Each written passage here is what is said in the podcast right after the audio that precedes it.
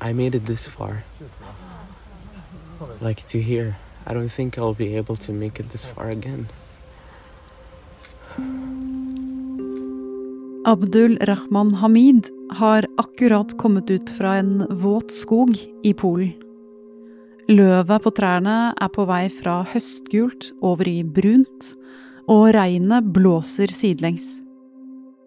Hamid har kommet seg fra Irak via Polens naboland Hviterussland gjennom det som blir kalt den røde sonen. Denne sonen føles litt som et sort hull. Et slags merkelig ingenmannsland. Det er egentlig ingen som vet helt sikkert hva det er som foregår i denne delen av EU akkurat nå. Hvor mange mennesker som er i denne sonen, eller hvem de er, vet ingen. Men de er der. Og nå som det blir kaldere, er flere av dem i fare. Det sies at de er våpenet i en ny form for krigføring. Du hører på Forklart fra Aftenposten. Jeg heter Marte Spurkland. I dag er det mandag 18. oktober.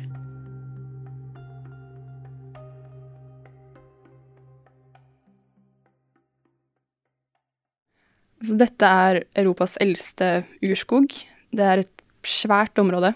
Eh, trærne der er høye, de står tett. Eh, selv om det er blått og solen skinner på himmelen, så når ikke solen ned på bakken der. Eh, og bladene har begynt å bli brune og røde. Det blir kaldere og kaldere om natten. Aftenposten-kollega Gina Grieg Risnes er akkurat tilbake fra dette urskogsområdet i Polen, hvor hun har prøvd å finne ut hva som skjer i den røde sonen langs grensa til Hviterussland.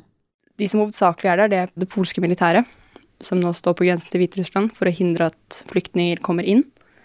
Men det er likevel hundrevis, kanskje tusenvis av mennesker som kommer seg forbi. Og de prøver da å ta seg videre inn i skogen og ut i Polen. Eh, så spørsmålet er da hva som skjer med dem inni denne sonen. På det meste så snakket vi med folk som hadde vært der i tre uker. Tre uker, me, forest. Og prøvde å vandre rundt i skogen og, og finne en vei ut. No, no good food, no good water, no douche. It's very, very difficult. De løper rett og slett for livet rundt i skogen.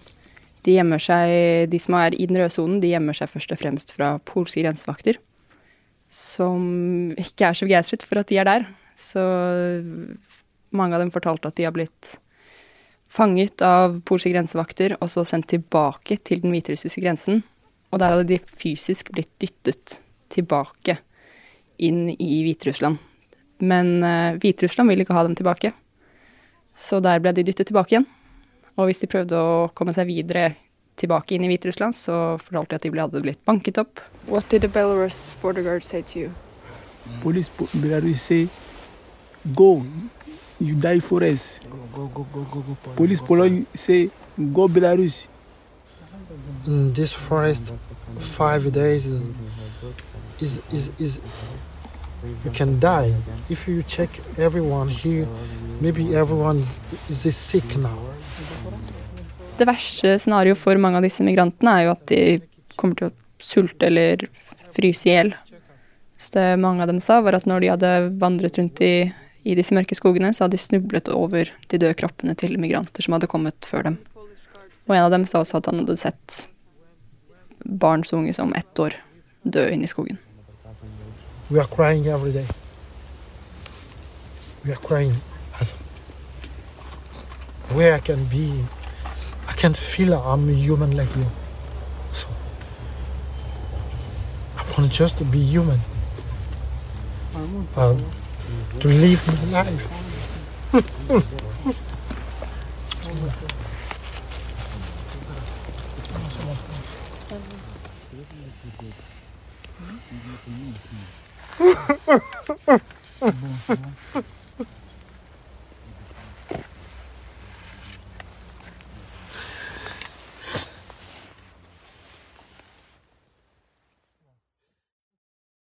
Noe av dette kan minne om flyktningkrisen i 2015.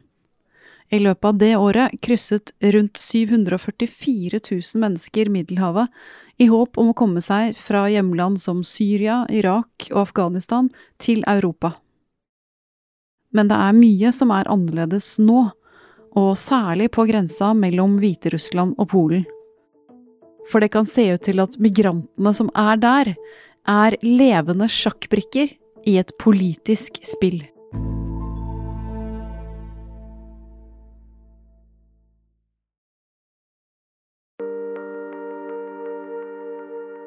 Det er særlig én mann som er viktig for å skjønne hvorfor og hvordan mennesker som Hamid blir brukt som våpen.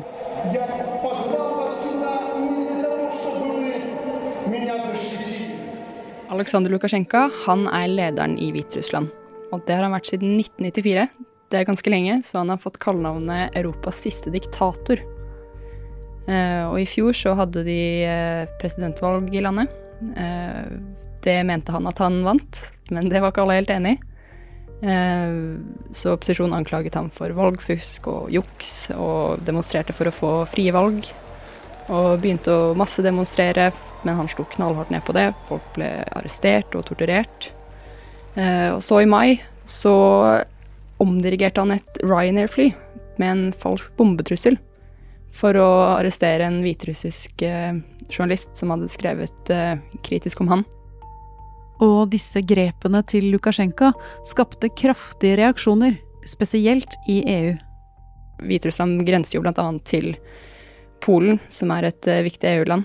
Så i oktober så begynte de å innføre sanksjoner mot, eh, mot Hviterussland. Det startet med konkrete sanksjoner rettet mot Lukasjenkas innerste sirkel. Eh, de fikk reisenekt, og pengene de hadde i utenlandske banker, ble frosset. Men de sanksjonene som kom i oktober, det var bare den første av flere runder. Eh, så nå har Lukasjenko blitt ganske forbannet. Ja, eh, så han er ikke fornøyd med EUs behandling av ham, og hva, hva gjør han med det? Altså det svaret virker det som vi nå ser på grensen mellom Polen og Hviterussland. Nå ser det ut som han har funnet en måte å ta igjen på mot EU. Gina, masse mennesker som løper rundt i en skog og nesten fryser i hjel. Hvordan er det å ta igjen på EU?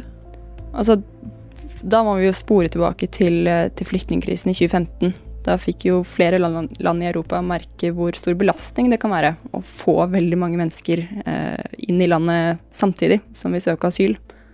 Så det Lukasjenko gjør nå, er at han sender tusenvis av migranter inn i Polen eh, og inn i EU eh, som en slags straff. Eh, fordi det vil jo bety at Polen må bruke massevis av penger og tid på å ta imot disse menneskene, samtidig som den politiske ledelsen kan bli upopulær blant velgerne.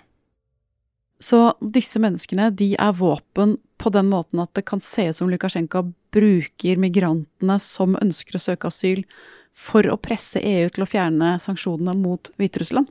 Ja, det kan se sånn ut. Fordi ifølge internasjonal rett så må de, de migrantene som ber om internasjonal beskyttelse, de må bli tatt vare på.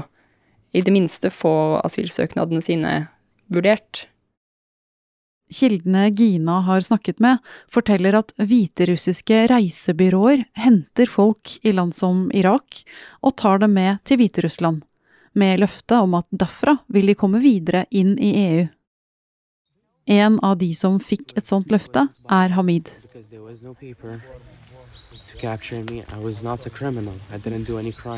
Til Gina har han fortalt at han jobbet som fotojournalist i Irak, og delte bilder med noen utenlandske medier. Høsten 2019 ble han pågrepet og torturert.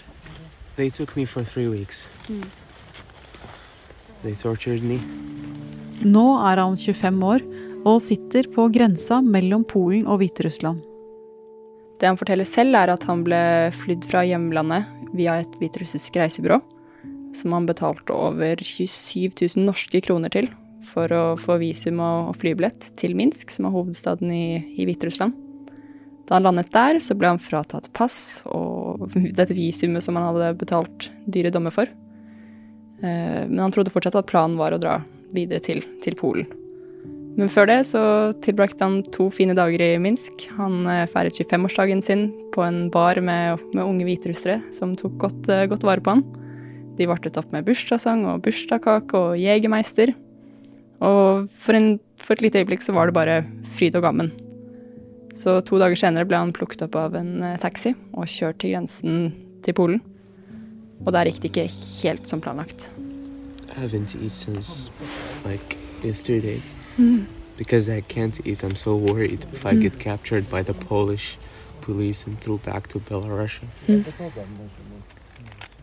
Og her på den polske siden av grensen, da møter Hamid den røde sonen. Ja. Og det er denne, da denne røde sonen som Polen har opprettet som en nødsone. Hvor det er eh, ulovlig for aktivister og journalister å gå inn. Hvis de gjør det, så risikerer de saftige bøter og fengselsstraffer. Denne sonen ble innført i starten av september, og det er et ganske svært område. Den strekker seg over hele grensen til Polen og Hviterussland. Det er opptil 400 km. Så det er hvor lang den er, og så går den ca. 3 km ut fra den polske grensen, men på noen av områdene så er det også lenger. I don't know where will we run. We're unwanted in our countries, unwanted here. Like, what should we do? Suicide? What? What kind of life is this? Altså, I denne sonen så har du migranter som prøver å komme seg videre, og grensevakter som prøver å, å finne dem. Og så har du i tillegg folk som bor i sonen. Ja, det, det stemmer. Det er eh, rundt 200 polske landsbyer som er i denne, i denne nødsonen. Eh, og de som bor der, de reagerer ganske forskjellig på denne krisen de nå har fått på dørstokken sin, bokstavelig talt. Eh, vi møtte en slags eh, Gonzo-aktivist som bor i en av disse landsbyene. De siste to månedene har han så å si sagt opp jobben sin, og han bruker dagene sine og nettene sine på å løpe rundt i den røde sonen fordi han får lov til å være der, og leter etter migrantene. Og prøver å hjelpe dem ved å gi dem mat og vann og varme klær. Og i de mest ekstreme tilfellene så hjelper han dem med å komme seg ut og videre inn i Europa. Eh, Så det er ganske risikabelt det han driver med. Hvis han blir fanget, så risikerer han opptil åtte års fengsel. Men det virker ikke som det er mange som gjør dette. Han, eh, han fortalte at han er en av eh, to husstander i landsbyen som driver med dette. Men resten av innbyggerne, de er De støtter de polske myndighetene og, og ringer dem hvis de ser noen migranter som kommer vandrende inn i gaten. Og også journalister begynner plutselig å spille en rolle i det som skjer ute i skogen. Ja. Polske aktivister og, eh, og journalister de har nå alliert seg for å prøve å hjelpe disse migrantene. Aktivistene de har direkte kontakt med mange av de som kommer, fordi de sender dem sine koordinater. Eh, og så drar aktivistene ut dit for å hjelpe dem. Eh, for å gi dem mat og vann, og for å hjelpe dem å søke om asyl. Eh, men disse koordinatene de deler de også med polske TV-team, så når de får de, så haster de av gårde for å, for å være der. Eh, og, det som skjer da, er at, at aktivistene hjelper dem med å fylle ut asylsøknaden, og så ringer de grensevakten for å få dem til å godta søknaden. For her er det jo viktig å huske på at hvis man har fylt ut en sånn søknad, så har du rett til at den prosesseres og behandles av myndighetene. Uh, I want to apply uh, for international protection in Poland. Men grunnen til at aktivistene vil ha alle disse TV-timene og filme det hele, er fordi de har opplevd så mange ganger at grensevaktene sender dem tilbake, selv om de har papirene i orden. Så det hjelper å ha et kamera som ruller. Det kan virke sånn. Men nå kan det hende at heller ikke denne metoden kommer til å fungere lenger. For i slutten av forrige uke ble det kjent at Polen innfører en ny lov som gjør at grensevakter kan avvise folk ved grensen før de rekker å søke om asyl. De vil også bygge en høy mur langs grensen til Hviterussland for å holde migranter ute. Flere EU-land har uttrykt bekymring, og de har foreslått enda flere sanksjoner fra EU mot Lukasjenkas innerste krets. Polens viseutenriksminister har uttalt at Lukasjenka bruker migranter som våpen for å destabilisere EU. Polen har selv fått kritikk for sin håndtering av situasjonen ved grensen, men mener at de ikke har noe annet valg enn å stoppe migrantene. Lukasjenko avviser alle påstander om at migranter brukes som menneskelige våpen. Noen av migrantene som rakk å søke om asyl foran TV-kameraene, er blitt fraktet til asylmottak i Polen, og har et håp om å få opphold der eller et annet sted i EU. Men det er ikke alle som er eh, like heldige, for å si det på den måten. Vi møtte en, eh, en 30 eh, år gammel dame fra Kongo. Hun heter Judith. Hun hadde vært ute i skogen i flere uker og blitt sendt tilbake til den hviterussiske grensen seks ganger, mente hun selv. Men hun var også gravid. Og har jo da gått rundt i skogen og frosset og hatt lite å spise. Så et par dager etter at vi kom tilbake, så spontanaborterte hun i skogen. Og turte ikke å ringe sykehus eller grensevaktene, fordi hun er så redd for å bli sendt tilbake enda en gang. Så hun er nå fortsatt ute i skogen. Hva med Hamid, da, som satt på en bar i Hviterussland og trodde fremtiden var lys? Ja, han eh, fant seg en annen løsning, og kan også være blant de heldige. Men sist vi så han, så slengte han eh, ryggsekken sin med alt han eier i verden nå, på ryggen og gikk inn i skogen. Da skulle han møte en menneskesmugler som han håpet kunne ta han til et annet land i Europa. Og jeg snakket nylig med han, og da hadde det gått bra. Så han har kommet seg videre? Ja, det har han. Men det er jo fremdeles mange mennesker inne i denne skogen som ikke kommer seg ut.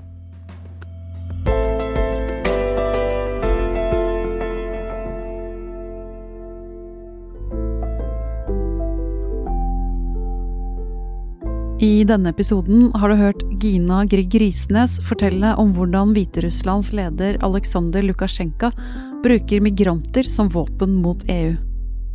Du har hørt lyd fra Ginas egne opptak og Associated Press. Episoden var laget av David Vekoni, Anne Lindholm og meg, Marte Spurkland.